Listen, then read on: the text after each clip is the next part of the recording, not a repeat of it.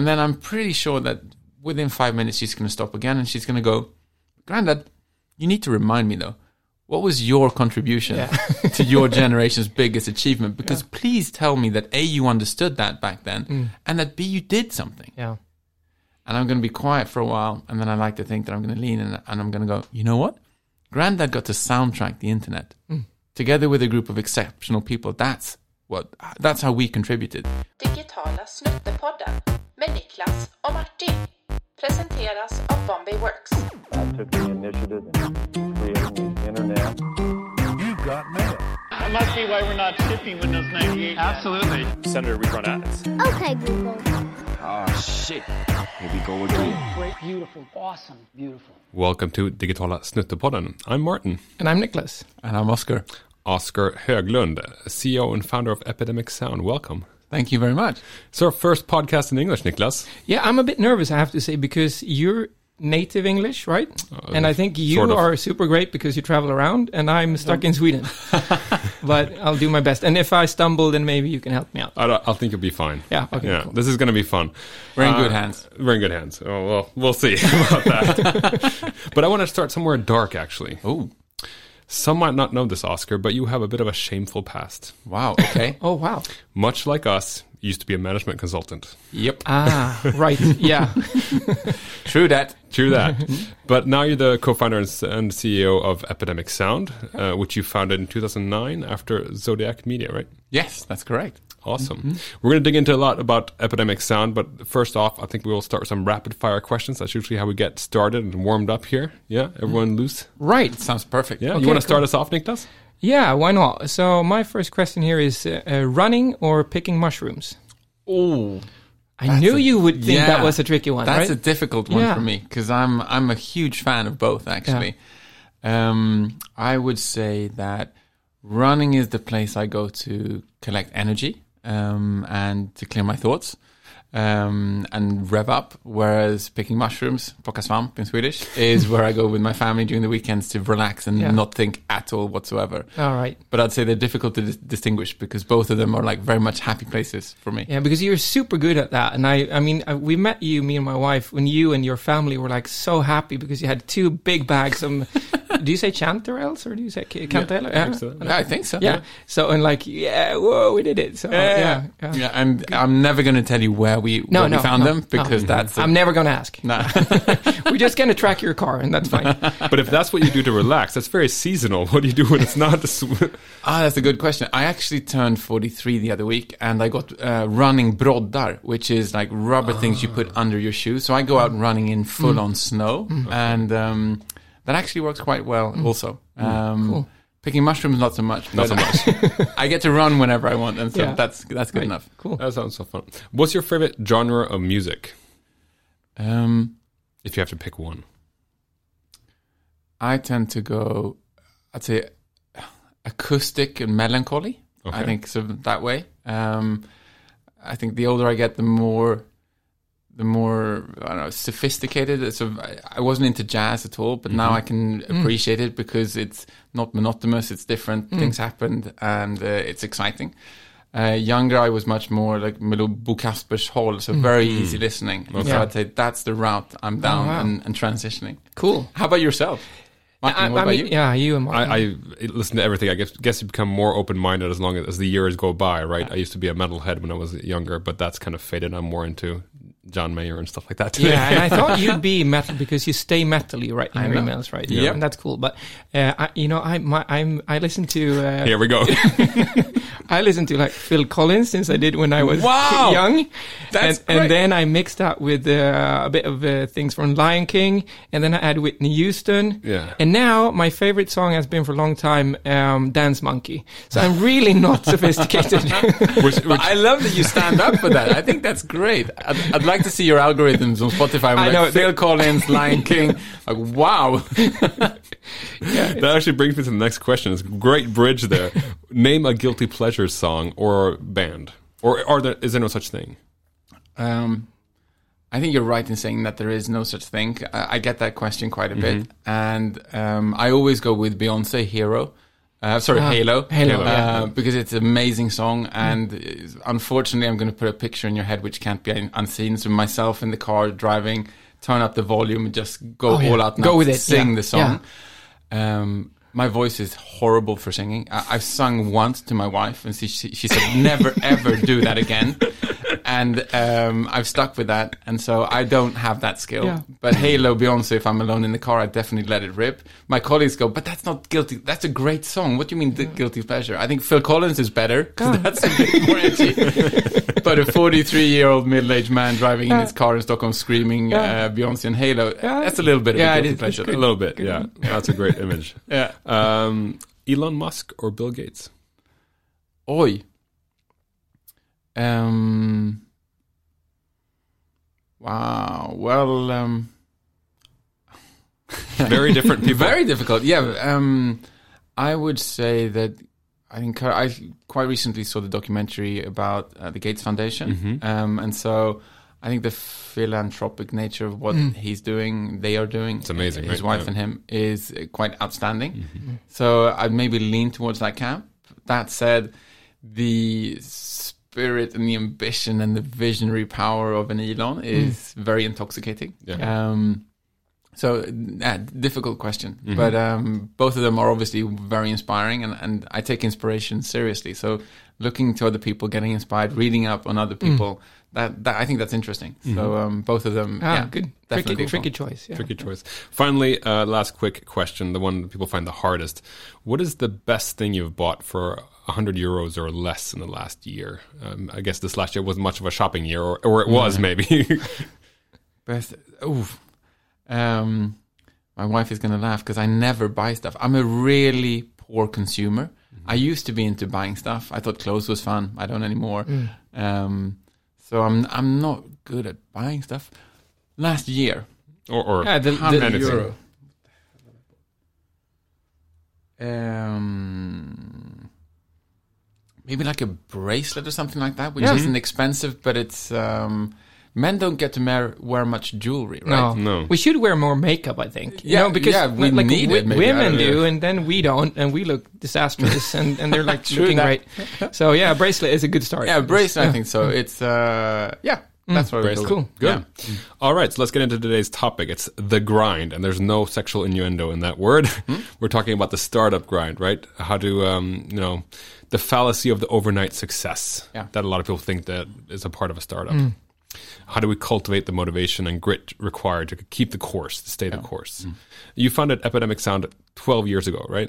Yeah, Yeah. Together with a bunch of other bunch of people. the Yeah, people. sure, sure, sure. yes, We're going to mention all of them. Mm-hmm. Uh, but I think the idea of overnight success is rather dead in this case, right? You guys have been at it uh-huh. for, you, for you have time. great success, but it's been a long, long ride, right? And Yeah. it's continuing. yeah. You know, to you have to pursue the ride further. I guess you have ambitions. Yeah, I think Still. that somebody once said that nothing good has ever been built under seven years. I don't know if it's Mm, true, but I've heard it, and I think that there is some merit to it. mm. I completely subscribe to the picture that there is no such thing as overnight success. There's a um, there's a looking back and being surprised that wow, so we seem to get it more right than wrong. But Mm. in the now, it feels like it's a cons- constant rolling with the punches. Yeah. Um, sometimes you roll left, sometimes you roll right, but eventually, when you look back, you see that ah, there seems to be a theme here, and it obviously went up and to the right. But I totally agree that there is no thing such thing as overnight success. If you could take us back to the kind of genesis of Epidemic Sound, the idea behind it, you said you had a lot of co-founders. I think you were five in total who founded Mm. it, right? Of which there were no tech people. Is that Um, correct? It's somewhat correct. I would argue that fifth co-founder Hjalmar Winblad um, definitely has both scale up and technology um, and energy. I say with his that's probably his superpower Yeah. and, and his signum, but definitely towards tech. Um, but there were five of us. I'd be happy to share. I'd love to hear the Bombay Works founding story as well. Um, but we are back in 2008, 2009. And at that point in time, I'd left management consulting and I was deep into storytelling. Um, I left because I wanted to found something which was different and maybe a little bit more uh, inspiring and people that I could. I learned a lot as a management consultant, Yeah. which I'm sure you did too. Yeah, you learned, but you want it out. So yeah, At least I did. yeah, yeah. No, I, I definitely plus one on that. Um, and so I found myself in storytelling, and um, I fell in love with it. The whole um, uh, the nature of telling stories, of getting to interact with people, um, getting to put things together. There's both a creative side to it, and then there's a business side to it. And the fact that the business side is very binary, ones and zeros, and you understand um, uh, how it works. But the creative side has an element of chaos. Something just works and it gives you goosebumps, and you can't explain it. And you put those two together, you get predictability, scalability, experience, but there's also an element of magic on top of it. Um, and so I fell in love with storytelling. And um, I think that Epidemic was founded because we stumbled upon two problems that basically needed solving. And the first problem that needed solving was storytelling, as in putting together stories and adding music hmm. to your stories, whether or not they were TV shows back then, or commercials, or TikTok posts, or YouTube videos, or anything um, which has video uh, as a component to it. Adding music was fundamental, but it hmm. was totally broken. It was such a cumbersome and horrible process to add music. And we took a step back and we said that this is weird, right? Because adding music ought to be the most fun part of the creative process. Hmm. Say I have this document documentary about my grandmother, and when I put music, that's when the scenes come Yeah. alive. Mm-hmm. That's It, when it I adds get- the goosebumps. I yeah. get the goosebumps. I get the feelings, hmm. and it's similar to um, a bit like food, right? So food without taste is not memorable. Hmm.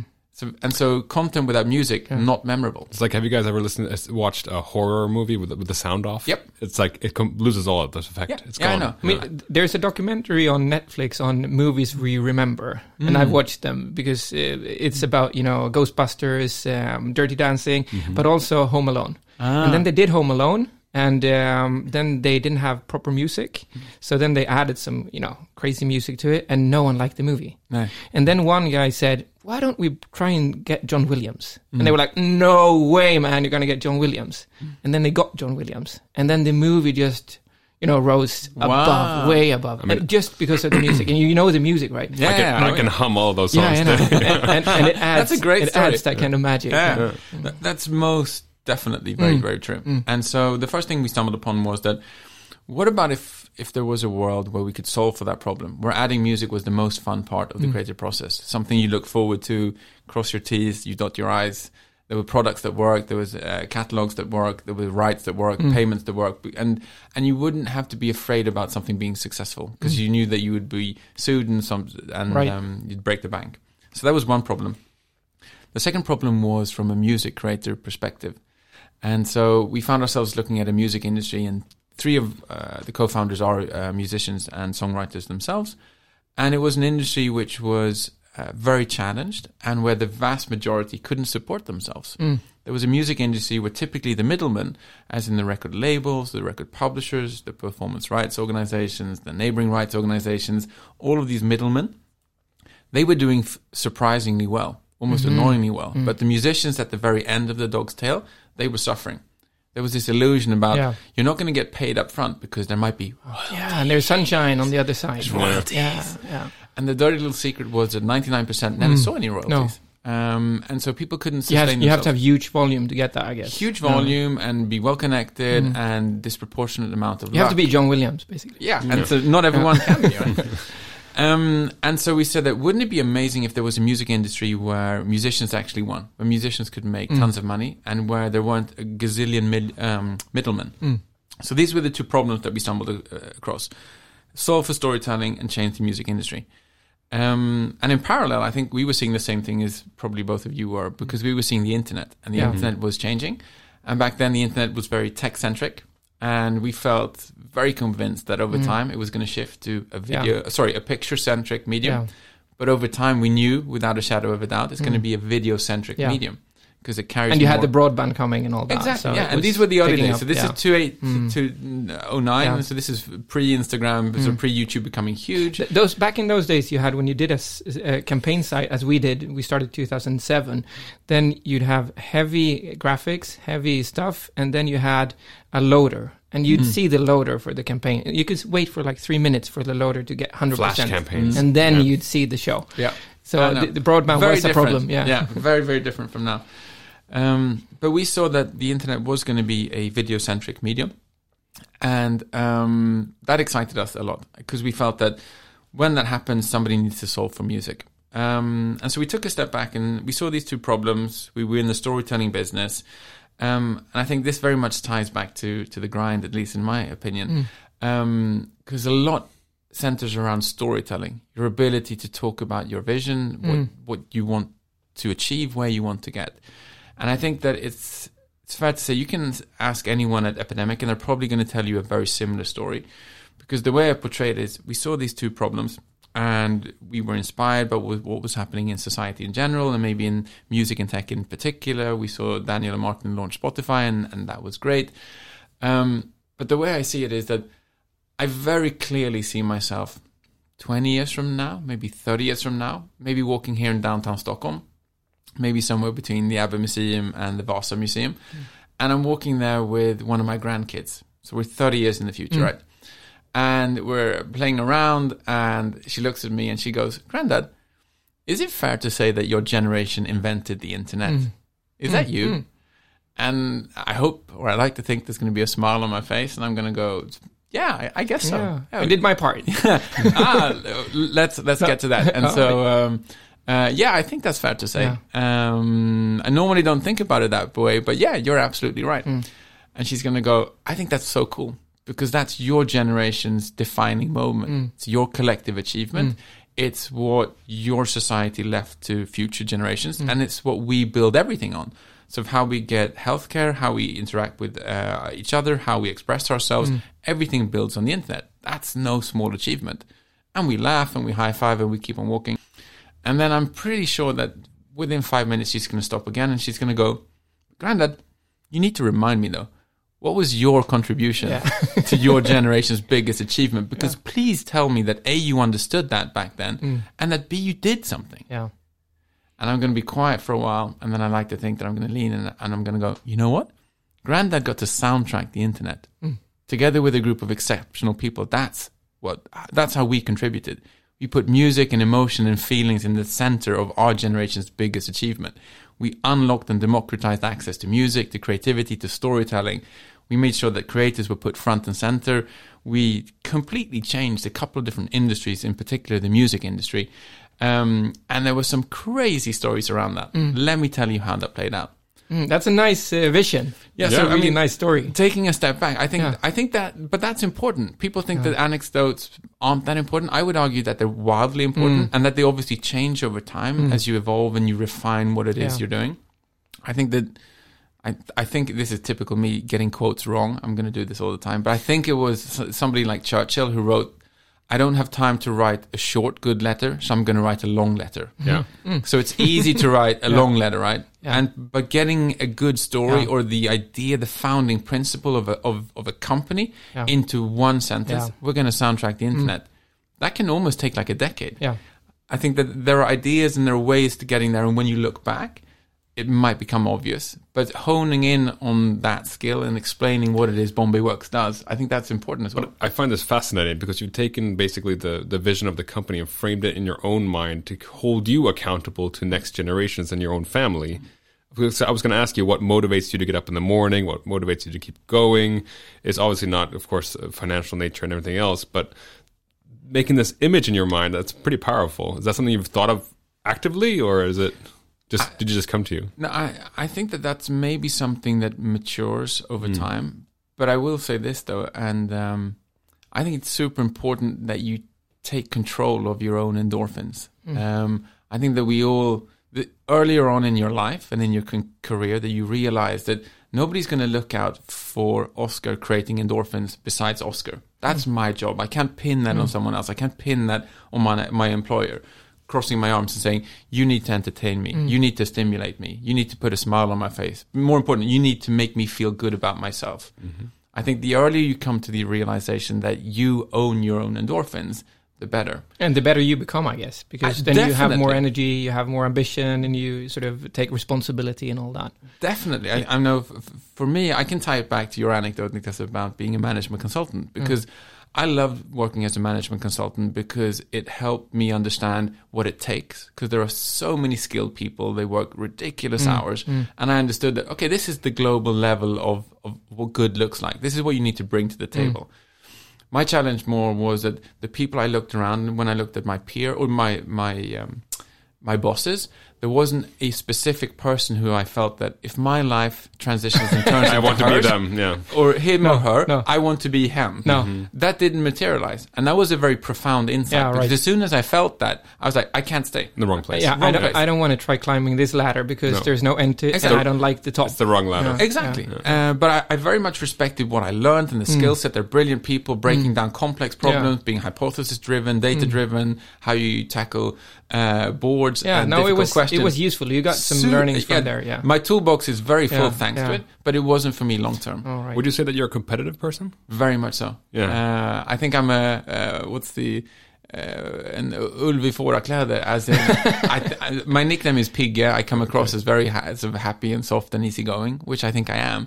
But underneath, I'm wildly competitive. Yeah. So it's all fun and games, but, but I play to win. Okay. Um, so I th- yeah, that's definitely a part of my DNA. you have that in common with Niklas. Then he's also very competitive. Yeah, I mean, you want. Where does it come from? I don't know, but it's like I think uh, when when I was hired at Accenture and and uh, my co-founder Jonas and so on, uh, and and uh, we got to know from some else that you know they hire insecure overachievers. So you, you're sort of a bit inse- insecure about what you can bring to the table, and you want to prove everyone that you can do better than they can. And so I think it's a it's an element of that. I don't know if you're you were that, but I, I think maybe it's a, a bit of a revenge somehow. I when I was uh, young, I was sort of uh, studying a lot, and uh, some other people where I grew up, they didn't study. They were cool guys. I wasn't a cool guy. And then uh, I was really late into puberty, so I couldn't do good in sports. It was sort of not nice mm-hmm. at times. And then he like, I'm gonna show them. I'm gonna mm-hmm. get back. You know, mm-hmm. I think that's a bit of the competitive uh, thing comes from there. I think. Yeah, I think that I think that it can definitely be a portion of that. I think competitiveness can also be sprung out of curiosity. Yeah. that you're. Uh, there's this great expression which is a ferocious learner, which I heard a while yeah, back. yeah. And I try and model myself and people I work with sort of that the, the aspiration is to be a ferocious learner. Yeah. You want to understand stuff. Uh, one of the great things I learned being a management consultant, amongst other things, was how you define an analysis. And it's by asking the question why three times. So the example would be, um, it's an old Toyota model. Uh, sorry, yeah, yeah, maybe, right? Yeah, you used to work at Toyota, Yeah. right? So it's at It's Toyota. Toyota way. Uh, oh, okay. So the example I, I, I got told was that okay, so the company's not making money anymore. Why? We look at the revenue and we look at the cost. Has the revenue gone down? No. Has the cost gone up? Yes. That's the first why. Why has the cost gone up? And you look at the units you're buying. So are we buying more units? No. Has the price per unit gone up? Yes. Okay, that's the second one. Why has the price per unit gone up? And you dive in and you see we used to have three suppliers. One went bankrupt and the other and the other two got bought mm. by each other. Mm. So we have one supplier Yeah, that they raised the prices. and they just Yeah. raise the prices. So the solution is okay. Let's find another supplier. Broaden the supplier base. Yeah. But if you go down three levels of why, you call that an analysis. Mm. So I think so those tools Yeah. can be super duper helpful. Exactly. I think we, we have like at Bombay Works, we have a culture code we talk about, you know, how we should be and be towards each other and towards uh, um, clients and other suppliers because they normally have a multiple people uh, working on multiple suppliers. And we have one thing from you, Martin, I think, in there, and it's stay curious, stay foolish. It's not from me, it's from Steve Jobs. But yeah. It's if I could take credit you. for that, I'd be happy. Kudos, well done. Okay, cool. cool. it's actually it- from the back of a of a, of a catalog. Uh, I think um, a catalog that people read in the seventies, and Steve Jobs read when he was a kid. Yeah. Uh, it was a something called the Almanac of some sort. I forget Yes. the name of it. Yeah. Yeah, the- I've seen this in his Stanford talk. right? Exactly, Yeah. and- and- amazing talk by the and way. they stopped making that almanac. And I think the final issue on the back side of that almanac, they wrote "Stay hungry, stay foolish." Yeah. and that was their sign off kind Yeah, of thing. right. And he he kept that as kind of a mantra. Right. But I think there's a always learning thing is really Yeah. key. Yeah. right? yeah. And I Because think, I think, oh, sorry. no, no, I, I'm just adding that to, back to the revenge part and then Mm. the ferocious learner being curious. I think that those things give you um, give you uh, an edge. But uh, then I also think that there's a lot of um, um, I think you can create like that that feeling of um, uh, I lost my thread now. Never mind. Anticipation, maybe? Oh yeah, maybe. Because uh, one thing that drives me a bit is that uh, I don't know what's going to happen in three years, and I like that. It's like you you can if you if you work at uh, Accenture as I used to do, you know that if I work hard for three years, I'm going to be at this level, and then I'm going to do that. Yeah. It's so boring. Yeah. It's too predictable. Yeah. So by running and doing the grind, running your own your own company, it could go good. It could go bad. You don't know, and that's really nice. Yeah. A lot of people don't like that kind of uh, um, insecurity. Mm, But- uncertainty. yeah, uncertainty, and I like that anticipation of what is this going to lead to. yeah. That, that's something that drives me from being curious as well. Yeah, and I think uh, one funny anecdote there is I, I overextended and bought a house a couple years back. And I came into the office and told Niklas about it. And um, I said that I've told my wife that we're going to die in this house because I'm not buying a new house. And he goes, You can't say that. No, You can't say I that, know. Martin. I thought I you liked can't you. have that I- certainty. right. I thought I liked you, Martin. And now I'm not so sure anymore because you're boring. It's like this is not good. You you're basically dead. I don't want dead people. I Yeah, want people. no, you who- actually told me if Yeah. you say you're going to die there, you've died You've today. died already. But I think you captured two great things because the house thing is like a big bet. I like people who place big bets and, and run with it because it ties into your example, Nicholas, which I completely agree with. For me, that's the pillow moment. So when I go to bed in the evening, I think you have all these different layers of who you are, self-esteem, and you have, uh, uh, vad heter det, like layers of, of how you can protect your inner core. Yeah, but right. when you go to bed, you take the layers off. Yeah. And just before you fall fall asleep, that's at least when I feel I'm being the most honest to mm-hmm. myself. I'm not mm-hmm. rationalizing. I'm not just going with the flow or I'm Yeah. pumped because mm. I have a, a to-do list in my head. That's just me and my demons, me and my thoughts.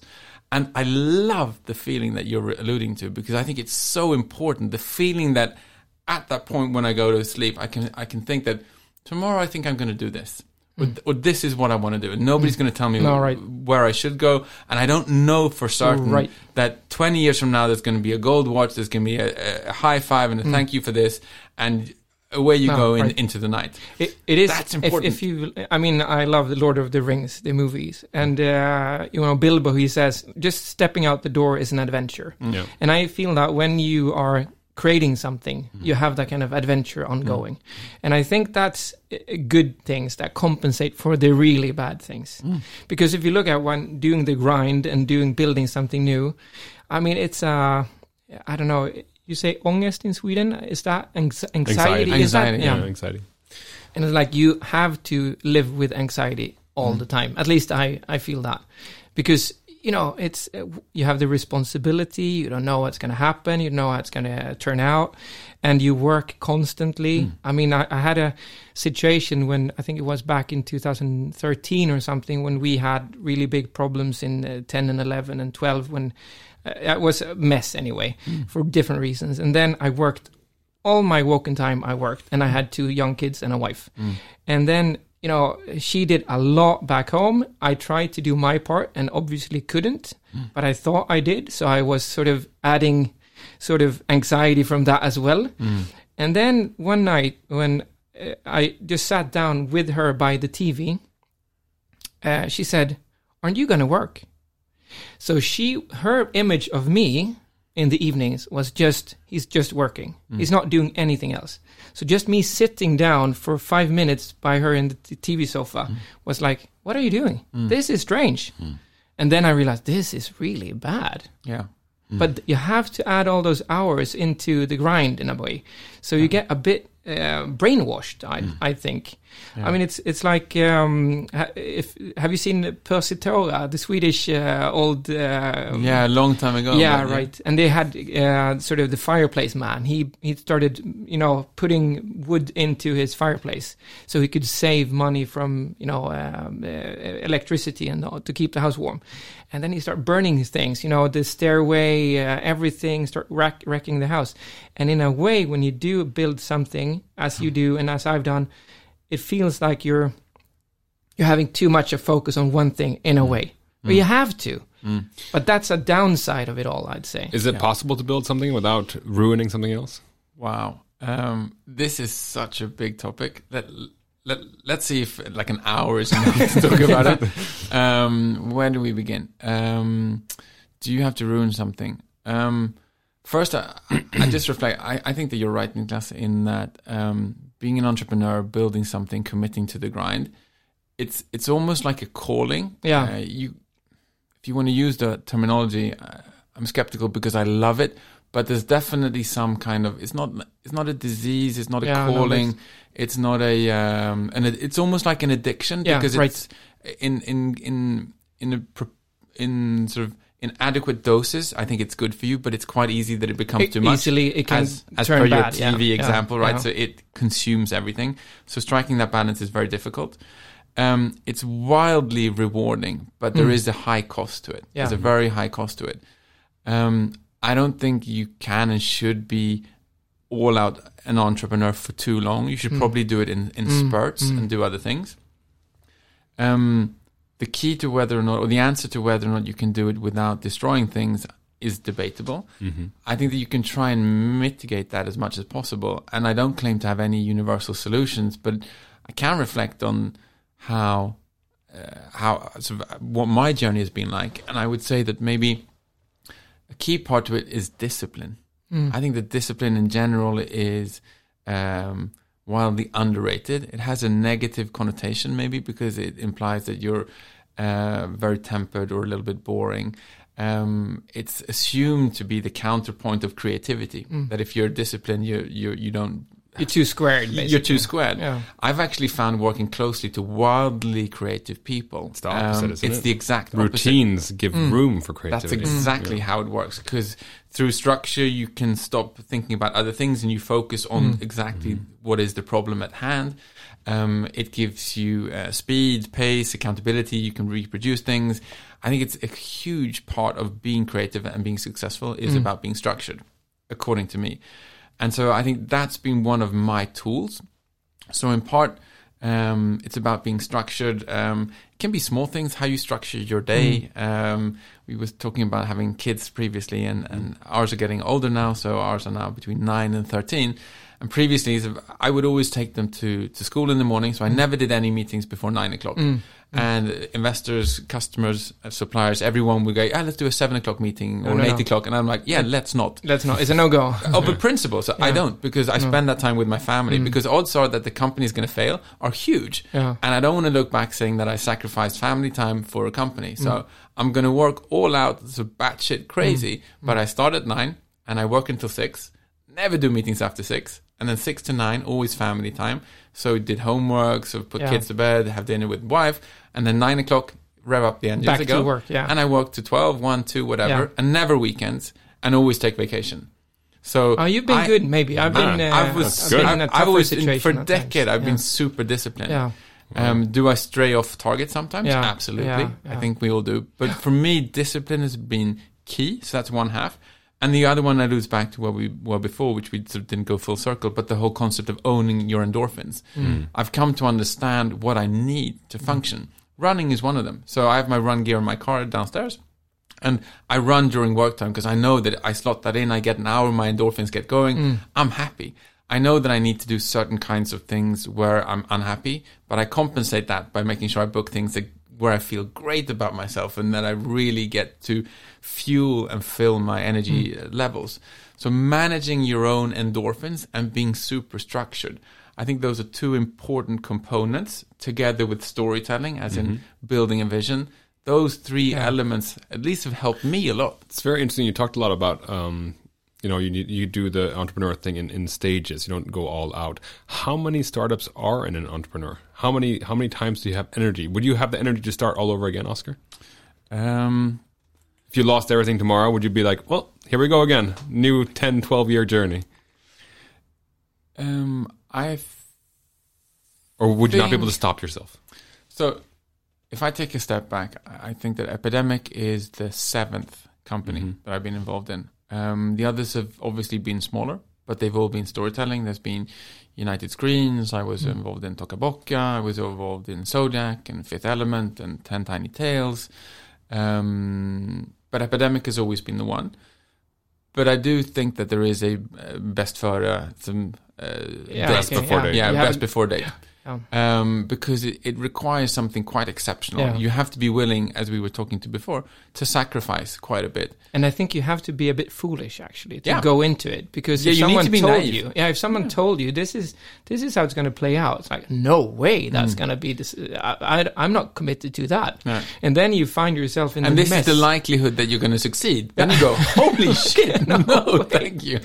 I don't like that. I think a lot of people who are listening to this might be sitting in the middle of their careers at a, at a large company and thinking, maybe I should start a company. Would you actually advise them to Mm. Yes. do that? You hell, would. Hell yes, yeah. Yeah, yeah. I- I'd be super fast because the flip side is I don't want to send a message that oh it's so tough. No, no, no, no. No, absolutely. so- so- it is tough and it is grueling and it is a grind. I think the word is great because when you say it, grind. Yeah, it sounds it's like- like "Arr!" Th- th- that's where it comes from. There needs to be. Um, it's a relentless hunger Yeah, to yeah. do and, and, and see stuff. But you need to define it as maybe being a ferocious learner. I'm not doing this so I can say that I'm a millionaire. That's not going to work mm-hmm. because odds are it's not going to materialize that way. No. But if I want to solve this problem, Yeah. or I want to have this feeling, or I want to work with people who are passionate about exactly orange light bulbs because that's what I want to do. I mean, you kind of represent this whole, um, you know, the big world of, of the real startups, the VC funded, you know, the, Yeah, the real right. game. It's or the- something completely different than the Bombay Works part. Yeah, So, sure. you were but also, fields, maybe yeah. if you look at these Yeah. people who are sitting in the large companies, maybe that's not what they should aspire to. Do you think that we should share some limelight with maybe the smaller companies, like the, the kind of lifestyle companies and the smaller companies are actually being started by people as well? Or because it's not the grind is there as well, not just with these larger. Yeah, I, startups. I, I think it's super.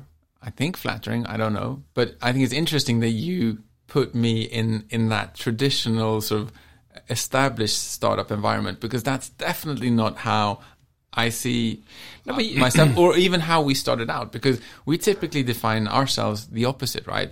So the traditional route, or I'd say maybe the Swedish model more, is that there's an idea, potentially there's some kind of product market fit.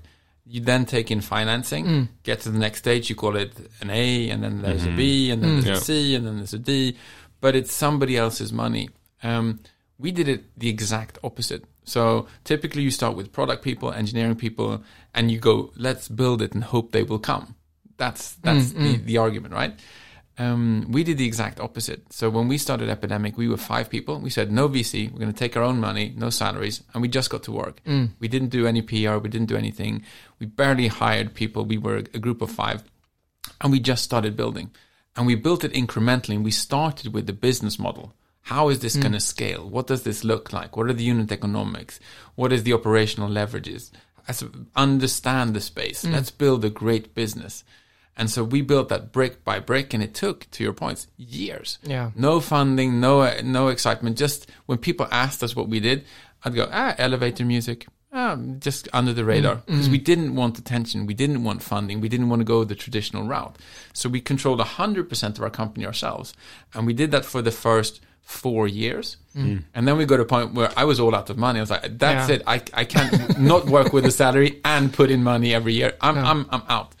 So that's when we reached out to a VC, which is Creandum.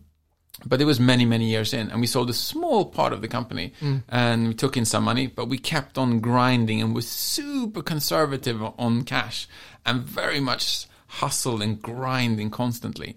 And then over time, we've seen this hockey stick. So over the last mm. couple of years, as we've expanded, that's when we've changed, when we shifted gear and reaccelerated. But if you ask me, and I, Ah, think, right, I, yeah. think I think this is the case that people have very different s- ideas of how they came to be.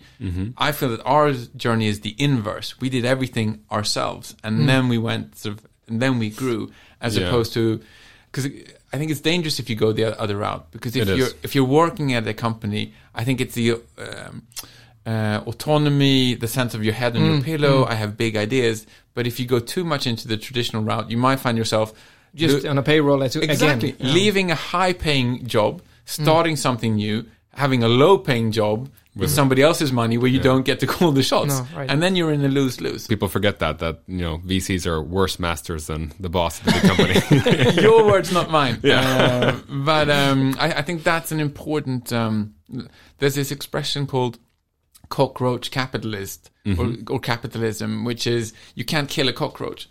And I very much encourage us, that's been us, but also people who want to start companies, just focus on a low burn. Make sure that you don't uh, acquire a certain uh, vivre, what the expression is, which Yeah. is super Yeah. expensive. If you can lower your burn so you have the luxury to just do stuff you think is fun, odds are if you're doing something you think is fun, you're probably going to be great. And I think one thing that is related to that is also um, you have to be, and, and I think we talked about this previously, you and me, Oscar. You have to be the sort of the all-knowing janitor basically. You do everything. And I think just the other day we had uh, one of our colleagues that joined uh, way back, and she wrote that uh, it's been a long ride. And when I joined, you know, uh, Niklas and Jonas and the others, they did, you know, buying the toilet paper and bringing the lunch to everyone, and you did everything, right? And that's a way to have low burn for the company's money as well. right? Yeah. So that you save every possible, you know, dime you have Yeah. uh, to to long long uh, to last longer. Yeah. And I think that that maybe ties back to the importance of storytelling because I think as Swedes, we probably all ho- heard the story of Ingvar Kamprad and how he has Yeah. a plastic bag, he doesn't have a portfolio, he rides coach and he doesn't go uh, travel in business. Those stories are important for that specific reason, Niklas, because they carry a message that this is how we do stuff.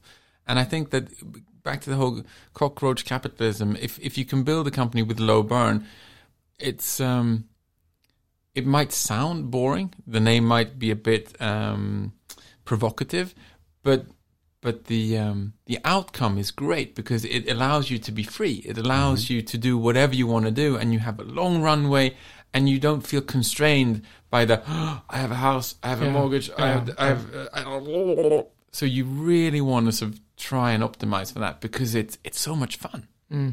No, I mean I'd recommend anyone to start a company, uh, uh, and then I think just as I'd recommend anyone to to get kids because it's super rewarding. But I also tell them it's a nightmare, you know, because you have two kids and they're not sleeping and you're not sleeping and you're arguing with your wife and no one's happy, and then that passes and then they get a bit, you know, uh, more self sufficient, and then that's worth it, right? But it's really tough, and I think it's the same with uh, with starting something, you know, creating something. It's super tough, but it's you have the energy because you basically love it. Yeah, but I, I, totally agree, and I think that it's maybe also a question of perception because I think maybe maybe in Sweden in general, uh, interesting to see if you both agree with me, but I think that there's this perception that life is about keeping things lagom and keeping things in control. Um, I know that I've just spoken about structure, and structure to me doesn't mean that things don't change. It just means discipline. But I would argue that a lot of people see life as how can I main, main, maintain status quo? Whereas I would argue that the point of life is not to try and stay as close to the mean for the rest of your life and then check out and say that, ah, it didn't oscillate that much. That's boring. Yeah, That's just waiting for your life to end. I would argue that when you want to look back at your life, you want to look at the delta. When I, how many times did I go up and go And down, down, and up and down? the roller coaster ride Exactly. instead of sort of and the, steady average stroll. might be the middle here, but but life is not about sticking to the average. It's about going up and Yeah. going down. Yeah. Because when you rack, that should be how you define it in, in terms of how much oscillation there Yeah. is there. That's quite an insight into how you view risk as well. You said you like big bets. What is your view on risk? Uh, I think that um, risks are necessary. They can be fun. Um, they can be sometimes they can be over romanticized because there's this macho association with I take risk. Yeah, right. Um, but what risk actually is is it's an invisible weight that you're constantly carrying on your shoulders that you never get to hand to someone else. And carrying risk is about being good at at sort of working with risk is about being good at carrying a lot Yeah. of invisible weight Yeah. because it's expectations, it's commitments, it's tied to um, emotions, um, economic actual outcomes, and so risk is something that you need to have a lot of respect for because it's something you constantly carry. It's not just sexy, um, but it's necessary, and it's interesting because it does create this oscillation. Uh, Risk can be can be leverage. It can be it, it's associated with I think freedom. It's associated with endorphins. Um, But also a lot of anxiety. a lot. And you need to know how to handle that anxiety without sort of uh, letting go of your happy you. Yeah, it, that's definitely true. Mm. I think that it's um, that's the challenge, right? Sticking with the glass half full when everyone else can see it's half Mm. empty. You need to pre- pre- sort of prevail and make sure that everyone gets. No, and, no, and I mean, there, there is the the classic uh, the uh, the sword, like the sword, Damocles sword hanging from. Hmm. uh, Anyway, you like you're in the court uh, there. There was this Damocles guy, and he said to uh, Dionysos, "Okay, so wow, I wish I was you. Like you're the king and everything seems super great. And then the king said, okay, Damocles, I'll put you in the throne, but I'll also place a sword hanging from a thin thread above your neck. And, and then we'll see how you feel about that. The imminent danger, the peril of sort of getting the risks hitting you really hard. Yeah. And then he wasn't so happy about it. So you need to handle that. Uh, So, so dealing with that anxiety, I know you run, of course, Oscar, and you play padel, Niklas, or what is the? I've done five times, yeah. no, but uh, what do I do? I mean, I don't know really what I do. It's I think um, um, I'm I, I think I, I think I'm fairly good at ha- handling anxiety and ha- anyway being happy. Yeah, you're a very know, happy s- person. s- r- like that. And I think uh, uh, just hugging your kids uh, creates a lot of uh, oxytocin. We've learned like from uh, Mm-hmm. from the other pod we had with Anna, and I think that's really giving you a bit of a strength. And then I think um, just um, you know uh, competing and and and having that as a fun thing rather than something that's draining you because you really like competing. Then I think you can handle it uh, uh, better. Yeah. I'd say. So I, I don't have a good recipe, but I I um I think uh, it's it's um I would argue maybe that Yeah. there are two things that I found helpful when it comes to dealing with anxiety, and one is uh, other people, and the other is doing other things. yeah And so we've alluded to it as in running, but I think it's also important to take a step back and look at you want to do things in your business life. That's one part of who you are. And I think you're down the round track if that defines everything that you are. That you then have your family life, as we alluded to, which I think is a second leg. Um, and then the third leg, let's call that sort of um, health and interests. And the fourth one might be sort of friends and, and community and who you who you are within the bigger context of society or your family or or your team or whatever it might be. And so I see it very much as there being four legs, three or four legs, and people define that differently. I think that one way of of, of sort of hitting anxiety is as you start to release one, two, three of these legs, and you find yourself standing on just one hmm. leg. You overemphasize the importance of that leg. You overemphasize the importance of hitting that budget number, hmm. or hmm. hiring that person, or securing that deal, or doing a good presentation. If you have multiple different legs, you allocate, I think, your anxiety, your attention, and your endorphins to many different things, and that ultimately makes you stronger. And a weird way, I think it makes you better as well. I think this is super interesting because I think you need all those legs. If you look back to the pandemic now, for example, I think the friend leg has kind of disappeared Yeah, for a lot of people. bit, yeah. And people who don't have sports or interests or hobbies. They get, Or family, single family. Yeah. they get stuck on Yes. one or two legs. And uh, uh, for me, um, as a friend, a portion has, has gone away. My hobby piece has kind of grown, and I spent more time on that, and that kind of also gives you some relief from anxiety, right? yeah and and I mean we, the three of us were in a lucky place because we have family and we have Yeah. kids and we can sort of get some re- release from that you know mm. because it's they demand some focus that you need to give them and then you get to not focus on work actually So I would argue that's one, right? So doing other things. And I'd argue that the second one, which is people, I would put that in the context of a company. And so make if you're in a position, and I'd love to talk more about this later on, as in talent, sort of talented people. If you're in a position where you can start to hire people who are way smarter than yourself, and or who complement you in terms of I might know X, she knows Y, and you have the self um, self awareness to acknowledge and understand that. One way of handling anxiety, obviously, is you make sure that you surround yourself with people who are vastly uh, sort of superior in the areas that you don't master. That way, you have other people who help you along and can carry with Yeah. you and can complement. And I think that's a normal fallacy as well that you recruit people who are very similar to yourself. I, I mean, you wouldn't be super happy if you're like a horse on the chess table, and then you look around, and all the others, uh, the whites, they're also horses. Yep. Then you're in a tough position. You you like to have you know, like a bit of a pawn and stuff like that. yeah. Then you, get want a queen. mix, yeah. yeah. Yeah, Totally so I think a mix is good. Because, um, like, when you're building a company and when you're creating something also for a client and trying to get things done, it's as ch- playing chess, but the chessboard is not like you normally see it with you know all these same uh, and the the pieces are really not the same as you're used to. So you have like a shifting chessboard all the time, and you have different shifting pieces, and you have trying to navigate all this, and you never know where you're going to end. So you know, it's it's uh, it's um, an undefined game Yeah. of doing the grind and creating something Yeah. because once again you don't know where you're heading and you don't have really the exactly the, the playbook uh, at, at hand that, that, that's why i also talk about chess at times and, and you wouldn't want to have once again the horses next to you all the time No, I most definitely wouldn't want to have a chessboard where you just have one kind of um, character or No, right. Piece. I'd have piece, yeah, Thank I you. think piece, Yeah, yeah. one, one piece. Because I think having different pieces is so important.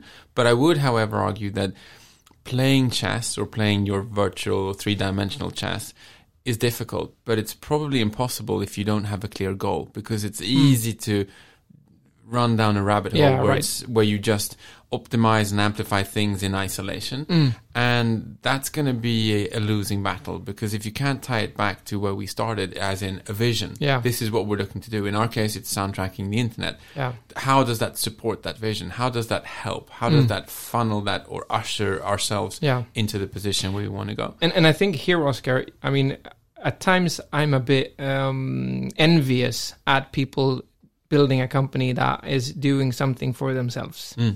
because we're doing things for our clients right martin mm-hmm. mm. so we have sort of the vision of the bombay works but there's no really you know of course there's a, an idea and stuff like mm. that but it's not like super clear we want to um, Well, client work's not the same as yeah, product. we want to Yeah. put audio to the internet. Like, whoa, cool. Or we want to, what Disney has make people happy or whatever. Yeah. And and of course we could say that, but it's it doesn't say anything. Uh, no, So I'm- so I I, I, can, can be a bit envious of that at times. which I can understand Yeah. because I think it is it is so incredibly powerful to be a purpose driven company. Yeah, right. And I, I would assume, right, if if you don't have that luxury, because it is a luxury, um, uh, probably culture is even Yeah. more important. Yeah. for That's for a why we like talk Bombay about Works, the culture code and how we should be and towards each other and our clients and because that's why a defining be- characteristic. That's something that gets people excited. why we talk of sort of Bombay work should be the culture should be as uh, you want to be a friend you can rely on, Mm. both internally because then you feel that you can grow and be yourself here, Mm. and if you're yourself, then you're the best you, and if you're yourself towards the clients and they can rely on you. Then you can grow together with them. Mm. Yeah. So there's that, but that's not as clear as putting audio to the internet. I agree, and uh, but I, I'd also challenge that a little bit because I think there's a there's a distinction here which is a slippery slope, which I find a bit complicated because I think it's quite powerful to relate to a company as family, similar to what you're alluding to. This is where you can be yourself. But but there's a fallacy here because within a family there's unconditional love. No matter what you do, my Right. son, my daughter, so I'm going to love you anyway. Yeah, right. And if if you're modeling your company and you're saying that you're a family, it doesn't really hinge on unconditional love because it's love, but it's conditional Mm. Yeah, because right. there's an outspoken and an understood uh, structure, Yeah. an agreement saying that it's not unconditional. So you No. bring X, You I have bring to bring Y. results, You yes. provide this, I Yeah. Mm. can pro- I can promise you, but it's not unconditional. No. So that's why this is something that I've learned, maybe not the hard way, but definitely over time, Mm. because I'm a very informal person. I love the concept Mm. of flock, uh, of family, and thinking that way. But the unconditional nature as you scale becomes a problem because once you have people across different continents, Mm. Yeah. across different cultures, across different time zones, and the more diverse Mm. your company becomes, the more difficult it is to have a relationship to what Yeah, family means absolutely. in conditional. Yeah. So I think Yeah, that's a little That's bit a good idea. right? Yeah, something to think of. Super interesting. All right. So, um, I mean, we're different from you guys in that you are scaling and, and adding, you know, aiming for the stars that way. And we can aim for the stars, but we all know that we can sort of build a multi billion company at Bombay Works. That's not how it works. Uh, and so we have different problems, I guess. And I mean, one problem you might have is uh, how do you scale and how do you finance scale, actually? Yeah. I, I, do, do you get my, I mean, Yes, I do. I think that um, uh, it triggers a numbers of uh, different things. I think the, the first thought that comes to my mind is the concept of, of a scaling company. What is that? And for Yeah. me, I have a very easy way of relating to it. Um, and it comes from, from my own experiences. I remember for the first five, six, seven years of epidemic, when I would go to bed, when my head hit the pillow, when the layers came hmm. off, and I was wrestling my demons, I think at some point I would always get to the point where I'd go, "Is the idea good enough? Hmm. Is is the idea epidemic good enough?" Hmm. And as long as that's my final th- thought before I pass out because I'm so tired, I know that I'm a startup because I'm, I'm questioning the idea. And there's a transition. I can't point to when it happened, but there was this distinct difference because eventually, after a couple of years, I found myself lying on the pillow, peeling off the onions, and just before I knock out, I go, "Am I good enough?"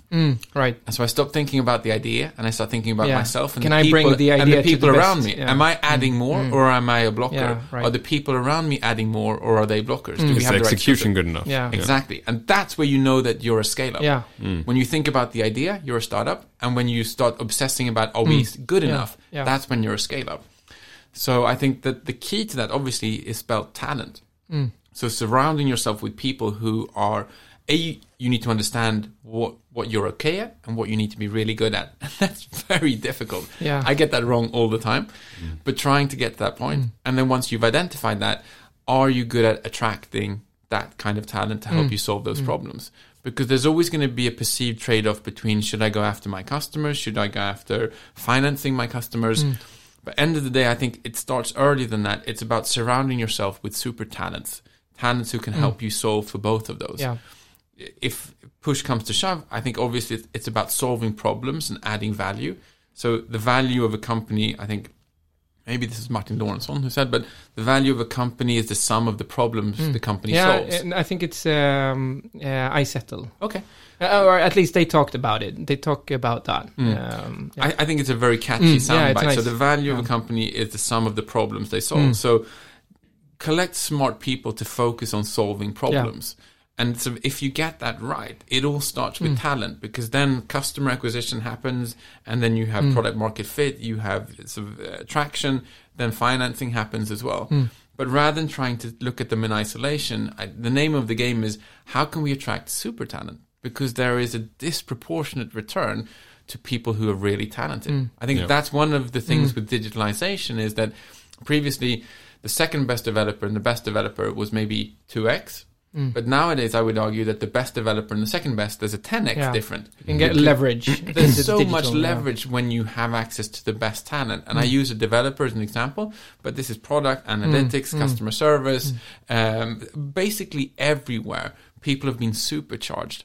And so I, I think Mm. that's a key, key in insight in digitalization that there's a huge difference between attracting second best individuals Mm. Or the best individuals. I mean, that's key for us as well at Bombay Works, having the right people. Because, I mean, like you're talking about the sum of the problems that the company's facing. For us, our balance sheet goes home every night and we Yeah. hope they come back the next morning. Yeah, right. Right? And We, we are We don't nothing have anything without the people. You have intangible assets and, and Yeah. so we don't. You know.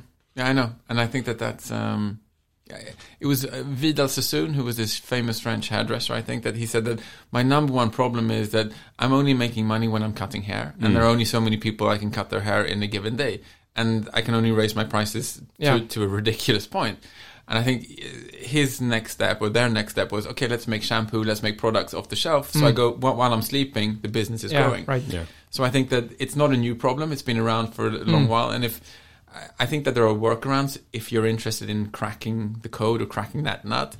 If Vidal could do it with something as monotonous and physical as cutting hair, I think that Yeah, no, I a, think lo- a lot of that's an uh, yeah, optimistic right. end Exactly. note. A lot of think. companies That's- it's they a good sort end of note. lean into Yeah. sort of creating um, digital services because they're good at doing it for their clients as we are should you do it for yourself Mm. and there's a balance there how do you not losing track of what you're doing uh, when you add something new and how do you find the balance and that's uh, one of the tricky pieces of playing I think that's a great a- place to end as well. And a be a little game bit of chess. unbalanced. Uh, you know, making money while you sleep. Wasn't that Gordon Gekko? and lunches for losers. and money never sleeps Money never sleeps. With those words, thank you very much, Oscar, for being here today. Thank you for having me.